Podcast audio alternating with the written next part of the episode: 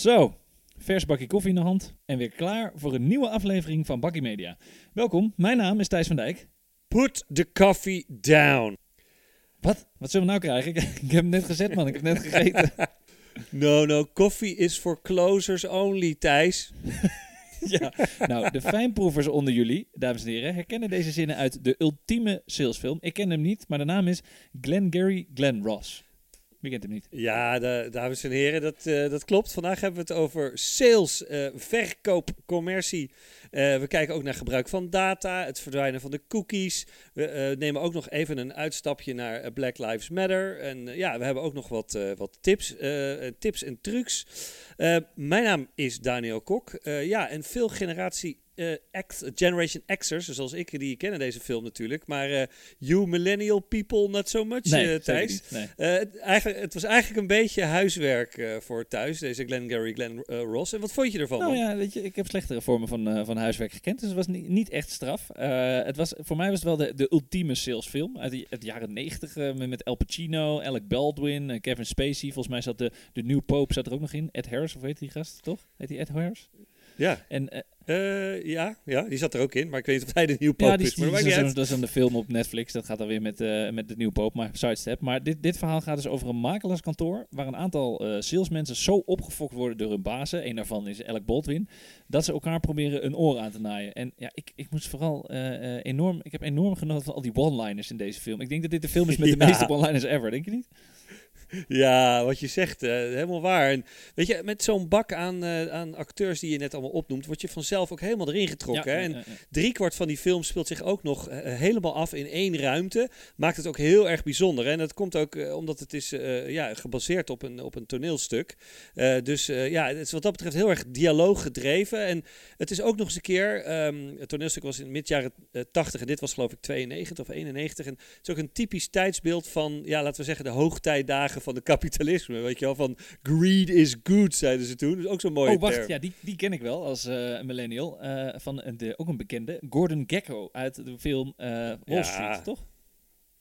Ja, heel goed, heel goed Thijs. Uh, jouw Hollywood sales training is, is heel goed op weg nu. Uh, en dan mag je straks door naar Boiler Room met Ben Affleck. En uh, ja, Wolf of Wall Street had je al gezien, geloof ik. ja, we doen even mee daar zeggen. dit is Leonardo. Matthew McConaughey. Ja, Matthew McConaughey. nou, uiteraard. Ja, dat is inderdaad meer mijn tijd. Ik heb die film een, vijf keer gezien, denk ik. Wolf of Wall Street. Maar goed, in, in deze film. Ja, en Gary Grand Ross, hè, dat is ook zo'n mondbreker.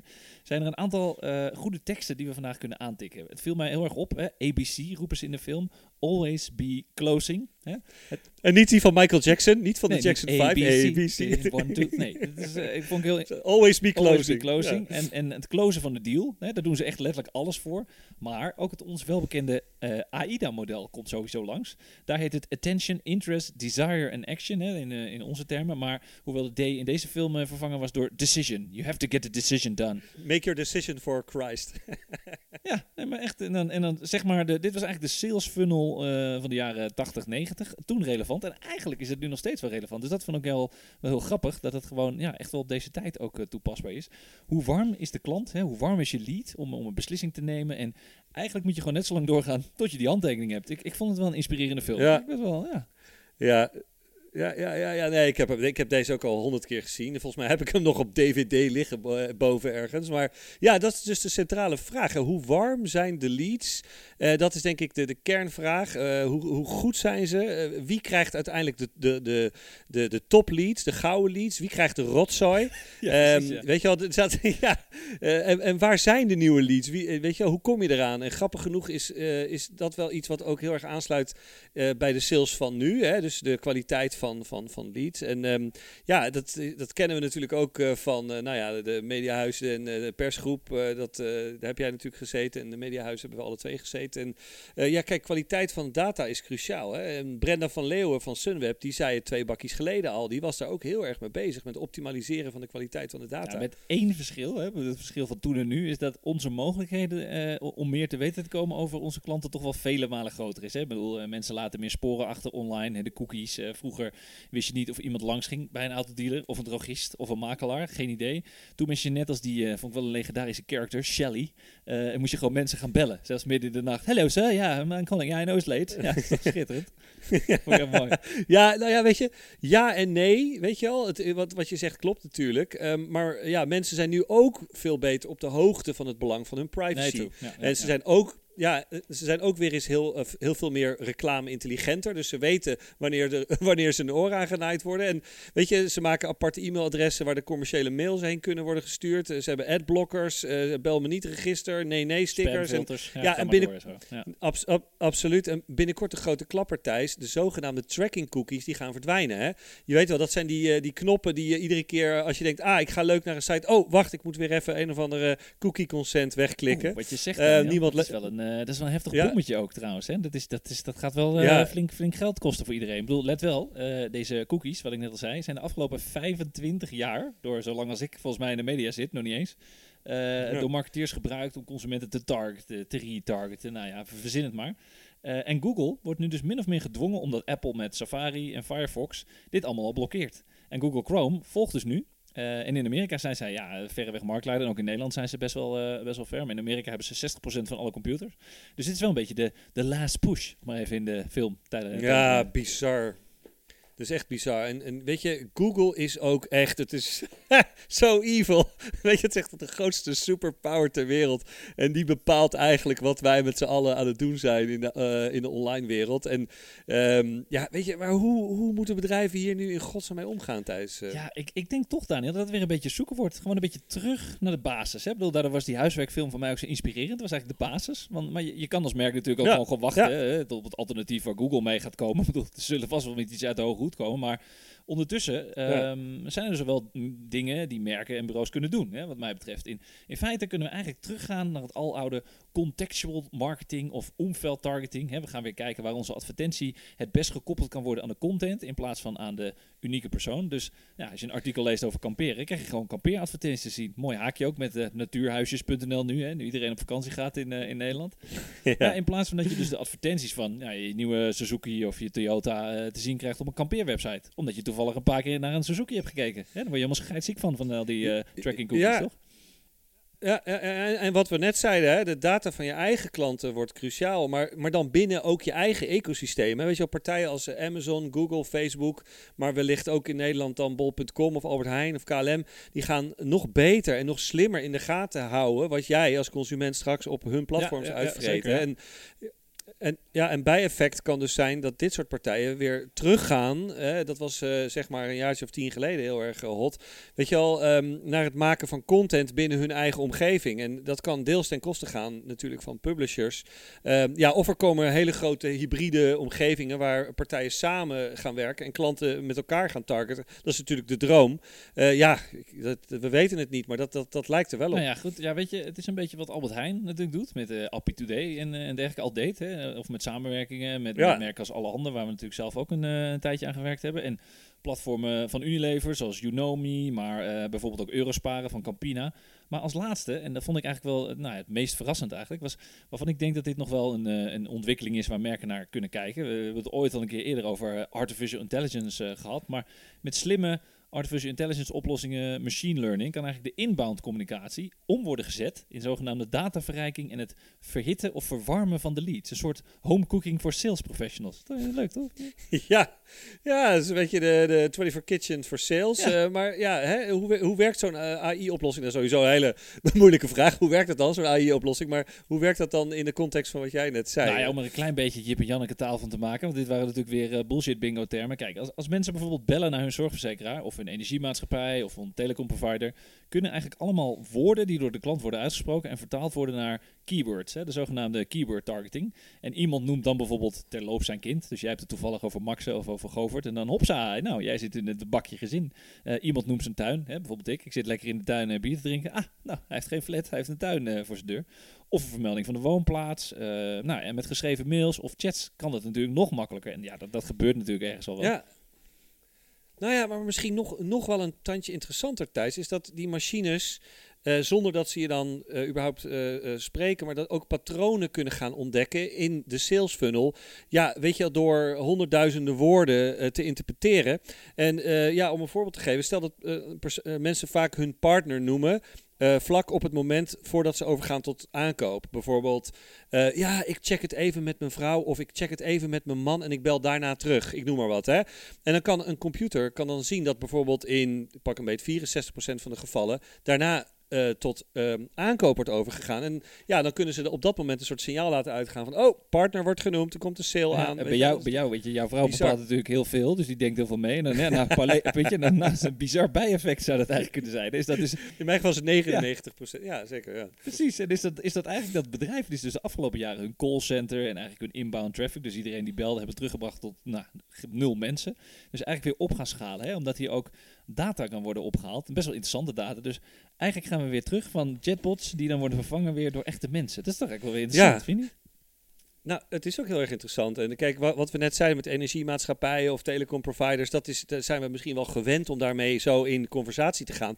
Maar ja, misschien gaan we nou ook weer bellen met de mediamarkt of gaan we ook weer met Nike bellen of zo, weet je wel. En, eh, en wellicht komen nu wel heel veel merken die ook de stap gaan zetten naar voice-applicaties, meer nog dan nu, eh, eh, de Google Homes en de Alexa's, omdat ze daarna, daarmee ook weer meer klantinformatie kunnen gaan verzamelen, door al die gesproken woorden te gaan ja, rubriceren Ja, en interessant. duiden. Dus misschien kunnen straks onze podcast ook gerubriceerd worden. Hoeven we alleen maar te praten en dan komt er vanzelf gewoon eh, waar het over gaat, deze aflevering. Nou, is Komen er vanzelf sponsors op af. interessant. Ja, weet je wel, komen er meer- zoals, ze- zoals ze het noemen, supertonnies eh, bij de Zelfs podcast.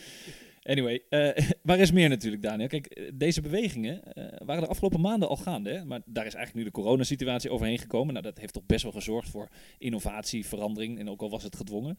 Maar dat verandert natuurlijk ook eh, nog eens extra de hele dynamiek hè, met hoe we met elkaar omgaan. De lockdown heeft de emotie bij heel veel mensen naar boven gebracht. Heel veel stress en onrust. En ouders met kinderen op hun lip. Nou, jij bent er het voorbeeld van. Of singles en ouderen Weet er alles ja, van. die hun sociale kringetje moeten missen. Zo van, nou, ik ga niet meer... o- Nou ja, of mensen die overlijden, waar je geen afscheid van kan nemen. Nou, en daar moet je als, als verkooporganisatie of als sales eh, consultant, of hoe we het ook noemen, toch best wel rekening mee houden, vind je niet?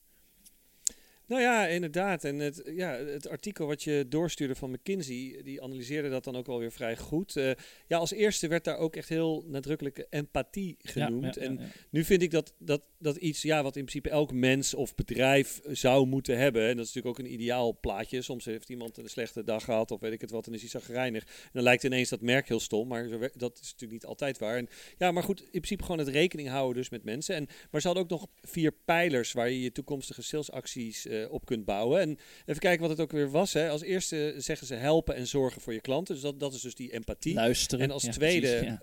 Ja, nou ja, die, die, dat is dan de volgende. Dat is ontmoet je eh, klanten op hun plek waar ze zijn. Eh, dus digitaliseer het contact waar mogelijk. Ga bezorgen als je dat nog niet deed. Hè. Ehm, als derde, zorg dat je visie hebt voor de toekomst. Dus nou ja, innoveren. eh, desnoods sluit je je brick-and-mortar winkels. eh, bespaar kosten. Digitaliseer. En het laatste punt, ja, dat, wat was, wat was Daniel, dat was wees flexibel. Beetje zoals wij, hè? Gewoon een beetje handig om proberen Ja. te gaan met de beperkingen. Of maak er gebruik van wanneer je kan. Hè? Doe bijvoorbeeld eh, klantonderzoek Ja. via social media, wat wij natuurlijk ook doen in onze oproep. In plaats van via de aloude en dure onderzoeksmethode van de GFK's of de Intermarts. Eh, of vraag het gewoon simpelweg aan je mensen, kan ook. Eh, maar bij dit punt Ja. komt dus ook weer de interpretatie van data om de hoek kijken. En daar zijn wederom toch weer echt mensen voor nodig, Daniel. Dat is ook een beetje de aflevering van de hoop dit, lijkt het. eh, voor nieuw, nieuw work. Obama is Obama's back. back. Ja, maar, maar nou goed, even terug naar het punt van empathie. Hè, wat bedrijven eh, moeten voelen voor hun klanten. Kijk, ongeveer tegelijk met het voorzichtig opengaan eh, van ons land, eh, ook al zijn sommige mensen daar minder voorzichtig in, eh, en, in de wereld ook niet, lijkt er een soort enorme eruptie te zijn ontstaan van emoties rondom de hele racisme-discussie. Hashtag Black Lives Matter, jij zei het al in het begin, dat was echt overal te vinden. De social media stond er helemaal vol mee. Blackout Tuesday, nou noem het maar. En deed je als merk Ja, niet mee, ja, ja. of als persoon, dan was het fout. Dat is toch best wel interessant. Ja, absoluut. En het lijkt alsof iedereen alle opgekropte emoties van de quarantainetijd eh, er nu uit Precies, laten ja. lopen. Weet je wel, Eh, pro en contra. En ja, we hadden het hier een, eh, een tijdje geleden dus inderdaad over. En ja, moet je als bedrijf in, in toch best wel een hoogsensitieve fase nou voorzichtig zijn met je uitingen? Of mag je juist vol, vol gaan inzetten op commercie met bijvoorbeeld humor of een bepaalde uitdagende, beetje prikkelende boodschap? Ja, en ja, en dan komt zo'n gevoelig onderwerp als, als racisme. Ja, weet je, dan wordt alles op een goudschaaltje gewogen. Hè? En als je niks doet, krijg je kritiek dat je ouderwets en ja, of zelfs uh, fascistisch of racistisch bent. En als je wel wat doet met je uitingen, dan wordt er vervolgens gezegd dat je meelift op het sentiment. En dan krijg je onder andere marketingguru Mark Ritson op je dak. Uh, ja, alhoewel hij toch weer, want wij zijn een beetje fan, toch wel weer een scherp verhaal had. vond je ja, nou, weet je, bij Ritson schoot natuurlijk een bepaalde antiracisme-uitingen van nou, grote bedrijven als Nike, Adidas, Spotify, Disney. Eigenlijk gewoon in het verkeerde verkeerde keel gehad. Hè. Wat, wat hij deed was een, vond ik wel interessant. Hij maakte in een, eh, in een artikel maakte hij een heel pijnlijk overzicht van al die uitingen van die bedrijven. En nou, vaak hadden deze bedrijven een zwarte pagina met, met Black Lives Matter of steunwoorden van die, die, die strekking. Maar vervolgens had dus Ritson een, een, foto geplaatst van de, van de leadership van, van al deze bedrijven. Nou ja, waaronder L'Oreal, Spotify, Apple, Nike, Adidas. Nou, 99% van dat leadership was zo wit als sneeuw. Of was het blank? Nou ja, je moet ook tegenwoordig heel erg opletten op je tafel natuurlijk, wat je zegt. Ik wou net zeggen, ja.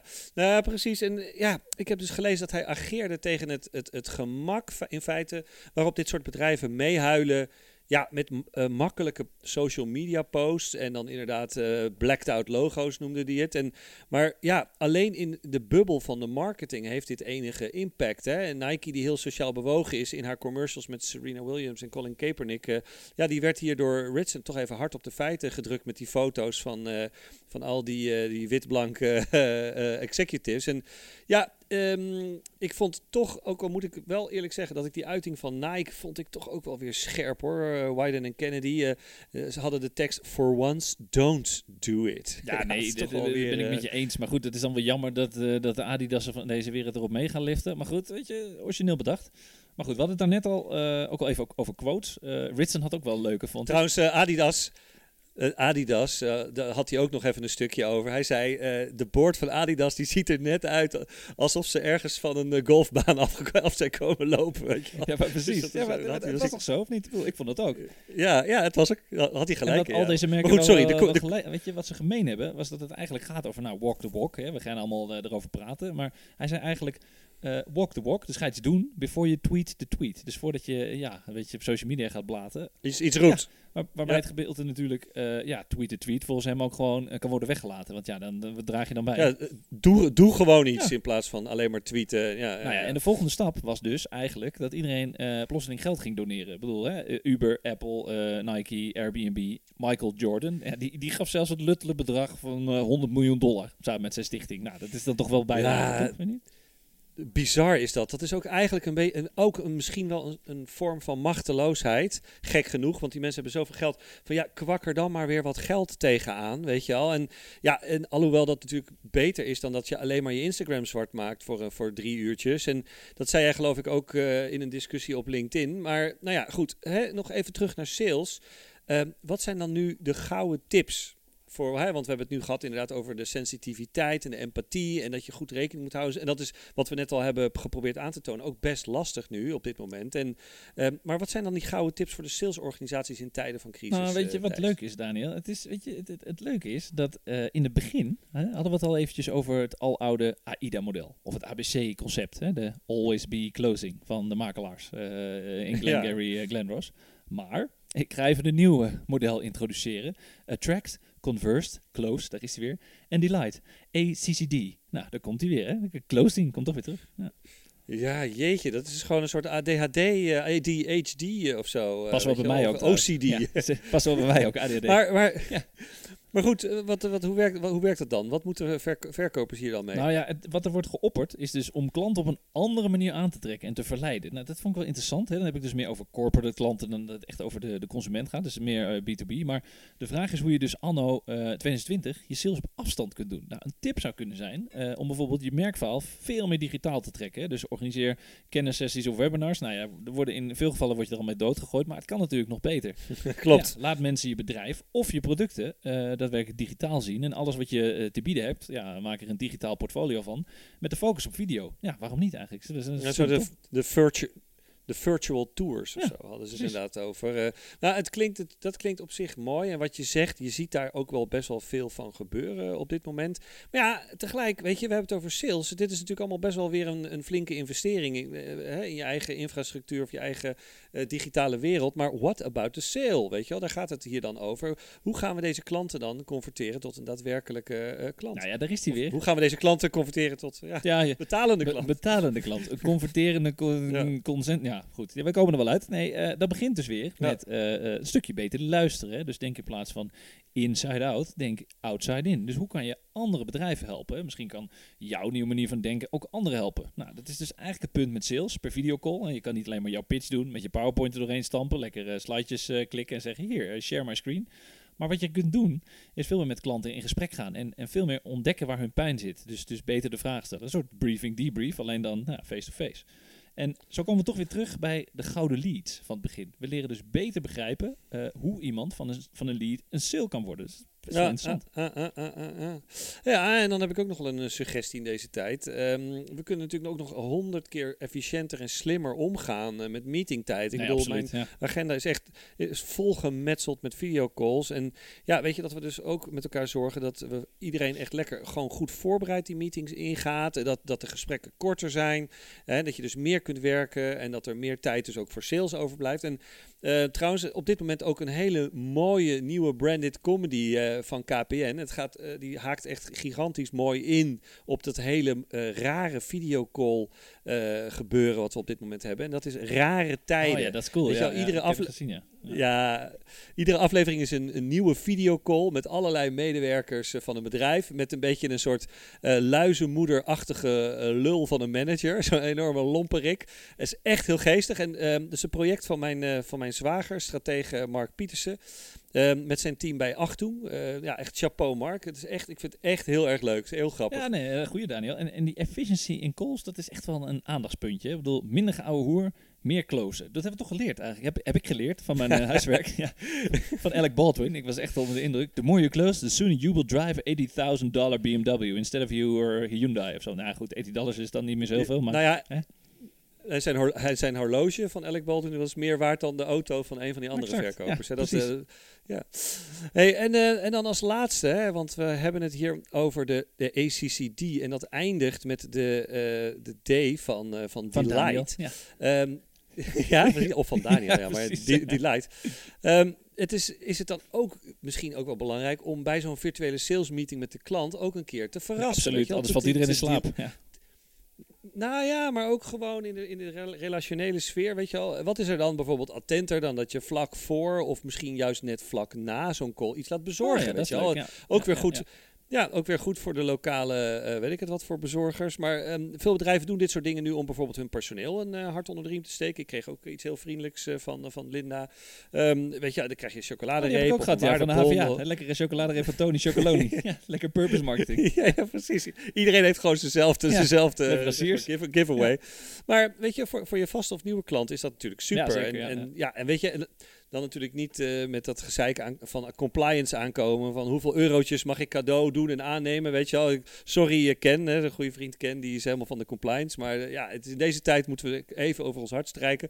Maar gewoon iets kleins, weet je wel, iets lolligs. Weet je, met een knipoog, een paté thuis, eh Videoland Bon voor mijn part. En weet je, jouw gebakjes van laatst, daar hebben we het nu thuis nog over. Weet je, hartstikke Ja, het leuk. is toch jammer dat het er maar vijf waren. is toch maar jammer dat er maar vijf waren. Ik had er gewoon 500 moeten doen. Maar ja, weet je, de budgetten bij Bakkie zijn nog niet zo hoog dat we, dat we 500 van die cupcakes naar, uh, naar Heemstede kunnen sturen.